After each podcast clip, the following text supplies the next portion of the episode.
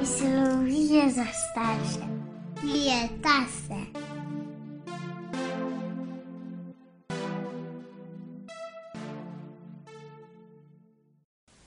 Pozdravljeni. Zdravo. Danes uh, bova govorila o tem, kako lajšati otrokovo separacijsko tesnobo. In tako na, na začetku je treba povedati, da je dejanje nekih splošnih nasvetov ne, vsekakor težko. Um, to pa zaradi tega, ker je um, separacijska stiska pri otrocih um, lahko zelo različna in se pravi, jo doživljajo na različen način in hkrati pa jo lahko doživljajo tudi v različnih razvojnih obdobjih ali pa fazah. Tako da to je en težek del. Ne? Vseeno pa lahko rečemo, da skoraj zagotovo se pa ta tesnoba pojavi v starosti med šestim in osmim mesecem, ne?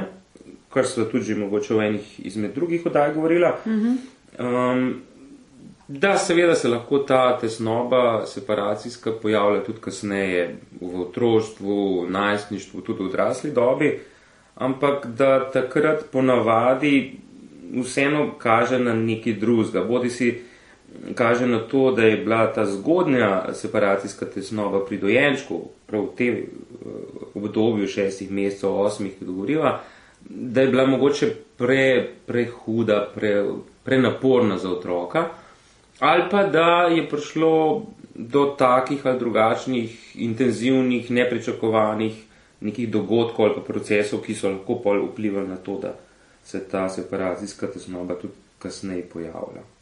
Mm, če smem tukaj, bi mogoče um, povedala za eno, um, en, eno zgodbo, eno anegdoto ene mame, s katero smo se na kratko dopisovali.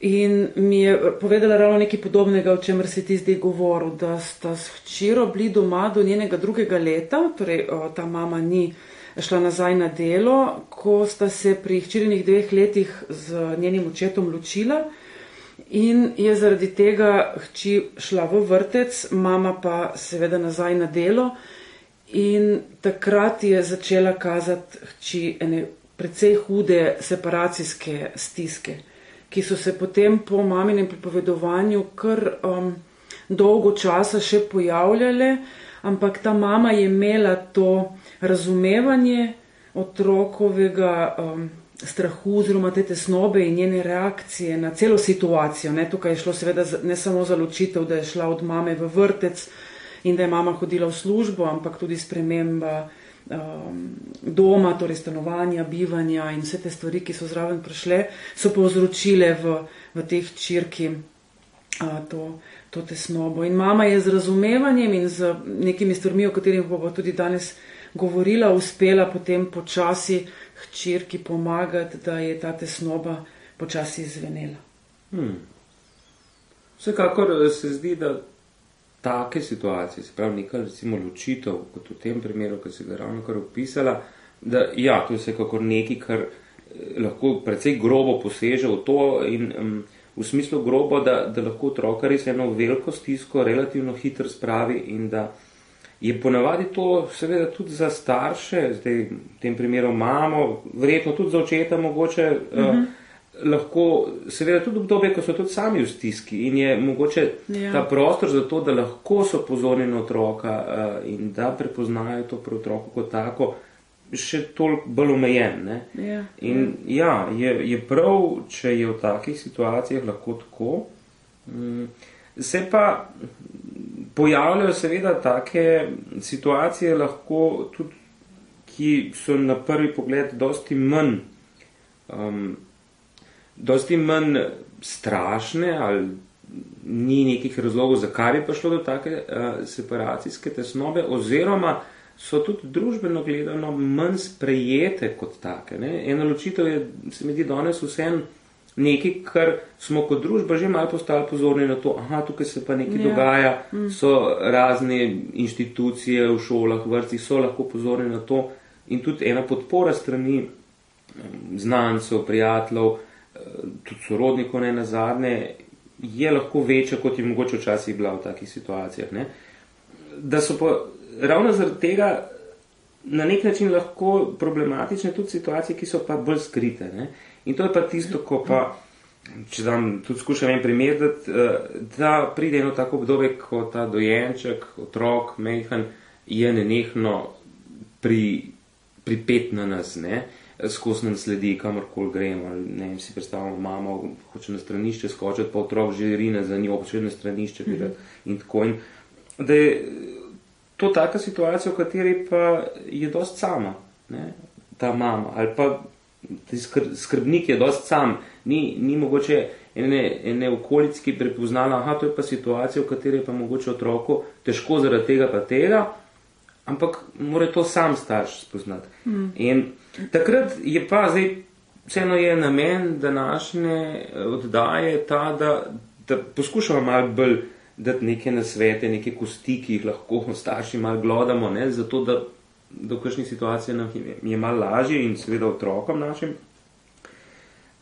Tisto, kar je pomembno v takih situacijah, je prav gotovo to, da otroka ne odrivamo preveč stran od sebe. Ne? Da, da če vidimo, da, da, da čuti to potrebo, da, da rabi biti blizu, da ga ne odrinemo. In uh, ker moramo vedeti, da če zelo mehnemu otroku omejimo prosto, ne se pravi, da mi bi hoteli zdaj na stranišče, pa ne moramo in otroka nekako omejimo, zapremo nekam, ne? Zdaj, ni nujno to neki grozen, ampak samo tako, da omejimo, da ne more. To lahko otroku zelo veliko stisko povzroči, velikega strahu, tesnobe, panike mogoče tudi. Ne? In da je mogoče dosti bolj smiselno, vsaj v teh zgodnih fazah, ko lahko začenjamo prepoznavati, da se te stvari pojavljajo, si malo več časa vzeti za to, da otrok lahko izkusi to, da en tak odhod, da ena taka separacija, ločitev, da ni, da ni konec sveta, da, mm. da ni preveč boleč. Ne? Ker če so ti prvi, prvi stiki s to separacijsko tesnobo relativno dobro, um, kontejneran je en izraz, ki se uporablja večkrat, se pravi, če, če lahko in otrok, in mama, skrbnik to dobro kontejnera, uh, potem bo tudi kasneje dosti lažje novih situacijah, kjer je ta separacijska tesnoba se pojavila, bo šlo lažje. No? Mm. Da na nek način pokaže, da se te situacije da prebroditi, da se da v njih zdržati in da se, bi rekla, dobro zaključijo. Tako. Hkrati pa seveda je potrebno pomisliti tudi na ta drug del, ne? da so pa to eh, situacije spet, v katerih pa realno mi moramo nekaj narediti. Ne? Če imamo mi ene mm. fizične potrebe, moramo iti na, na WC, pa moramo iti na WC.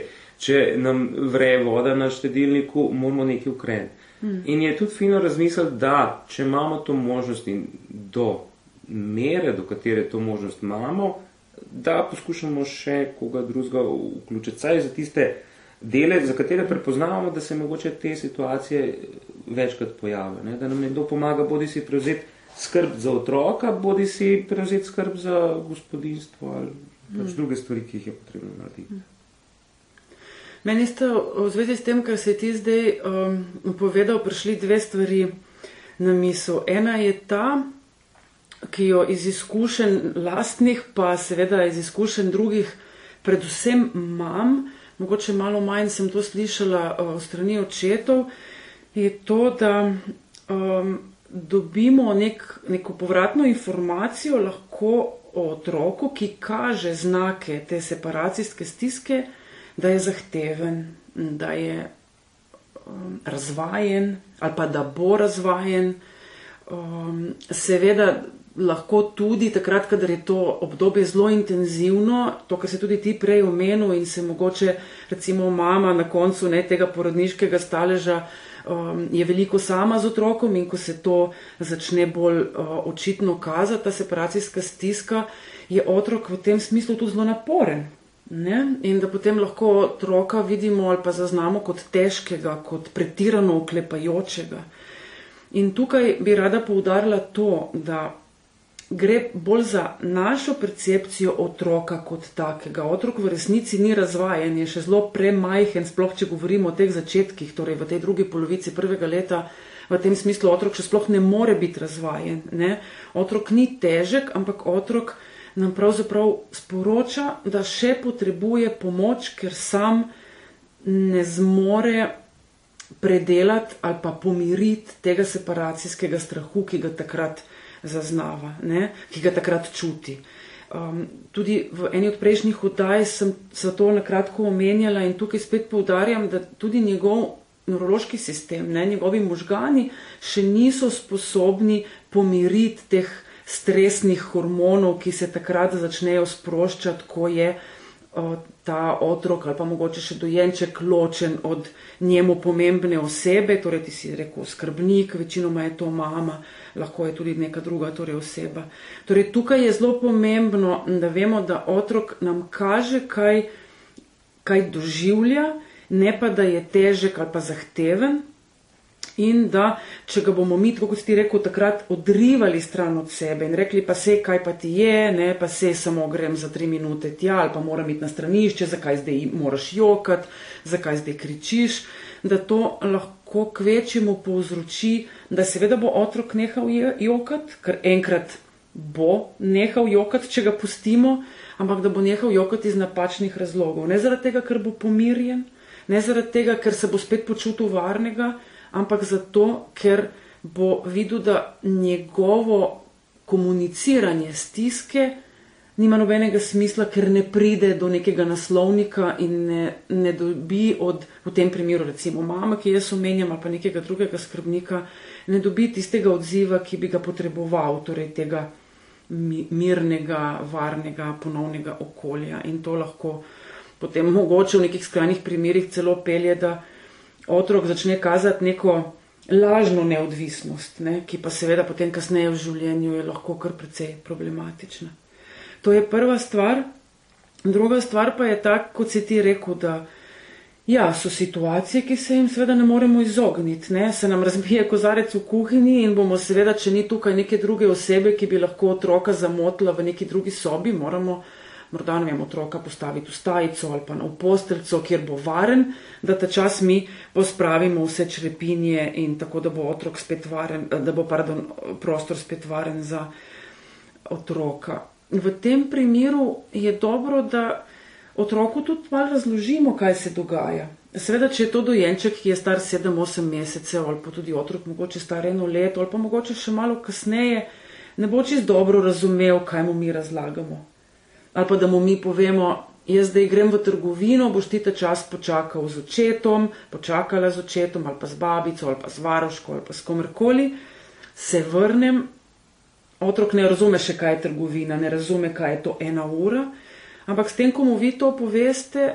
mu date tudi s tonom glasu, mogoče takrat počepnete k njemu, ga pobožete, mu date na nek drug način, z enim drugim komunikacijskim kodom, mu date vedeti, da je za njega poskrbljeno in da razumete to njegovo stisko, ampak da vseeno morate iti. In da s časoma bo otrok tudi te besede začenjal razumeti. Ne? Mi tudi ne poznamo čistočno meje, kdaj pa ta klik se zgodi, ko bo otrok pa razumel um, to, da se vrnemo ne? in da se, to, um, da se bo ta njegova stiska v bistvu potem olajšala. Vsekakor, mislim, se mi zdi pomembno na tem mestu tudi izpostaviti eno razliko, ne, tako kot si pripovedovala. Je razvidno, da so ene situacije, v kateri se starši znajdemo, dosti nepričakovane. Ne. Prej si omenila, se kozarec razbija, karkoli. Moramo tako odreagirati in takrat včasih je, je to težko narediti. Ne. Ampak smo v situaciji, mogoče lahko včasih tudi za nazaj, potem kaj pomislimo, kaj se je mhm. dogajalo. Ne? Vseeno je boljše, da če smo na to pozorni, lahko tudi za nazaj kaj naredimo. Ne? Tudi če v tisti situaciji se odzovemo mogoče z enimi ostrimi besedami ali pa prestrašimo otroka svojo reakcijo.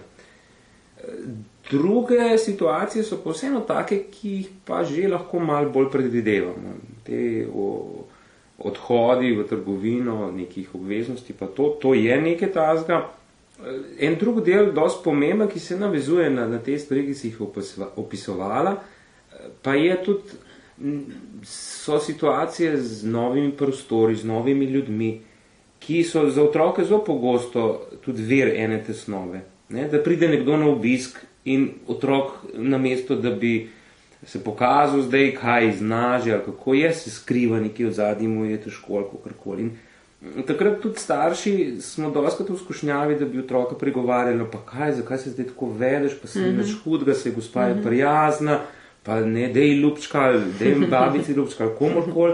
In je tisto, kar je verjetno v takih situacijah pomembno, da se, se zavedamo, da je pogosto tukaj neka naša lastna negotovost, neki naši lastni občutki zadrege, ki so prisotni v tej situaciji, ki jih mogoče malo na otroka potem sprojeciramo, če tako mhm. rečem. Tako da to, to je ta del in v takih situacijah je, zlasti ko, ko lahko o njih razmišljamo že vnaprej in se malo pripravimo, da vemo, da bomo otroka odpeljali na prostor, da bo neka njemu, njej neznana oseba prišla, da smo pozorni na to, da otroku omogočimo dovolj časa, da se prilagodimo ritmu eh, in temu, da ko bo otrok pripravljen, ko bo dovolj miren, dovolj imel vsega, kar potrebuje, bo sam otrok neko radovednost pokazal in bo naredil prvi korak. Tako da je bistveno lažje, če se temu prilagodimo za vse.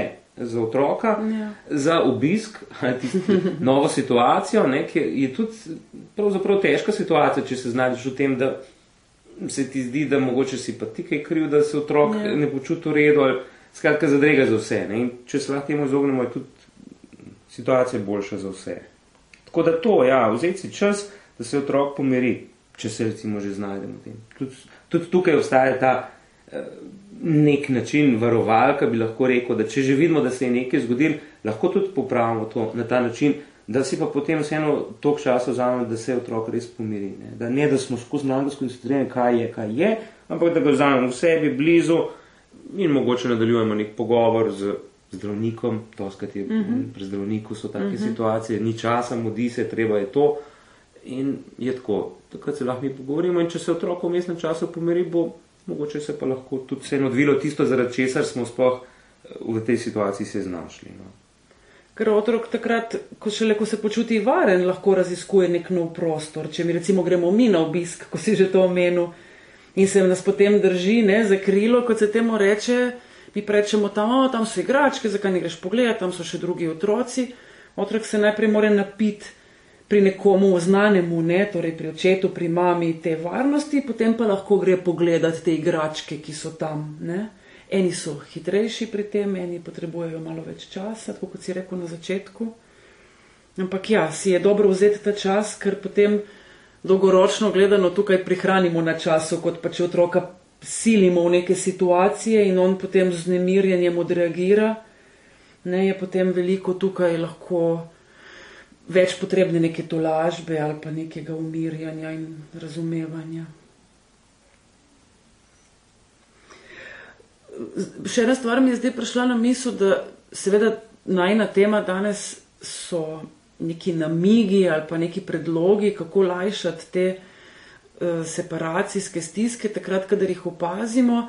Je pa vseeno fino tukaj poudariti, da kljub temu, da mi dva govoriva tukaj o neki ločitvi, torej o separaciji, da gre pravzaprav za um, o, o, o neki navezanosti, ki se mora predtem zgoditi, ne? torej o neki povezanosti, o nekih občutkih, ljubljenosti, sprejetosti, varnosti in da takrat, kadar to nekje umanka, oziroma pri otroku to še ni ponotranjeno, otrok še nima tega konstantnega občutka te varnosti, zaradi tega se lahko potem tako hitro spremeni to njegovo doživljanje, kadar iz njegovega zornega kota izgine ta njegova pomembna ljubljena oseba, mama, oče, babica, kdorkoli že to je.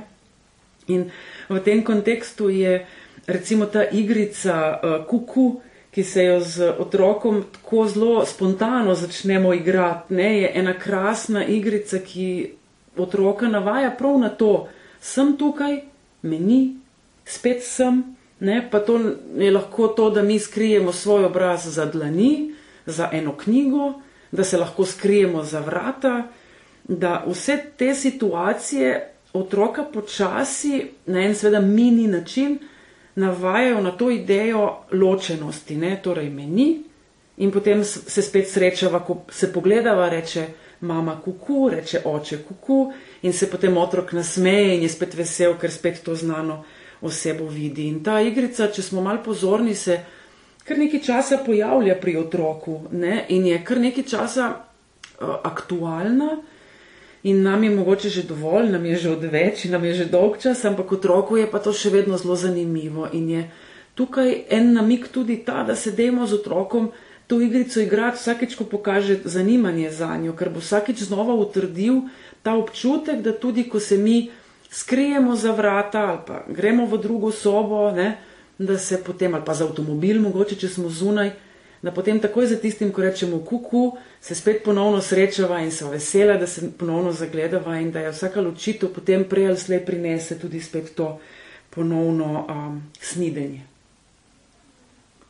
Pri tem razmišljam tudi o tem, da seveda ta, ta igra je pomembna in ima tudi eno simbolno, če tako rečem, razsežnost, ker se res gre za neko vajo v slogu ne, tega. Uh mhm. -huh. Da je pa zanimivo, da je pogosto, ne seveda pri vseh uh, otrokih, ampak da pride do neke faze, v kateri otrok samo inicijativno eh, sproži to igro, ne, ampak uh mhm. -huh. ne samo v smislu skrivanja, ampak da je kuku, potem pa gre otrok nekaj svojega početi in se vrne nazaj in reče kuku uh -huh. in gre nekaj svojega početi. In mislim, da je ta del tudi v, če tako rečem, imaginariju otroka pomemben, zato ker pomeni, da otrok na nek način že začenja razumeti, da ta čas separacije ni samo čas nekega čakanja na to, da se bo ta oseba vrnila, da bomo spet združeni, ampak da je čas, ko smo svobodni, ko lahko raziskujemo, ko smo ustvarjalni. In to je nekaj, kar ne na zadnje tudi odrasli doskrat potrebujemo to. Ja. Ne? In nam ni vse le najlažje, ker nekaj skozi čakamo, ne skrbi za otroke, za partnerja, za, za kogarkoli. Um, tako, ta, ta del. In um, zdaj, za konc, mislim, da, da bi vsem bilo za reči tudi to, ne? da to, kar sva govorila, kar je mogoče rdeča nic teh nasvetov, kako lajšati otrokovo separacijsko tesnobo da je vse le prisoten ta del, da otrokovo vedenje je neko sporočilo, ki nam ga otrok daje. Z vedenjem sporoča svoje občutke, svoje, vse, kar lahko sporoča.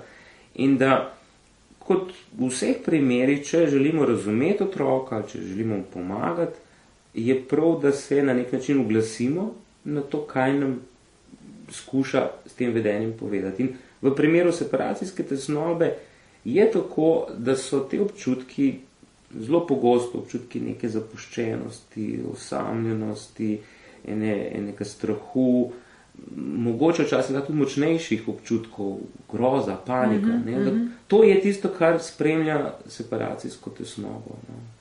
To, toliko mogoče. Hvala za posluh in uh, se slišimo prihodnič. Uh -huh. Naslednje.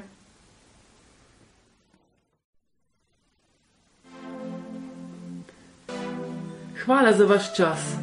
Vesela bova vaših odzivov na družabnih omrežjih in deljenja psihologije za starše z vsemi, ki jih to tudi utegne zanimati.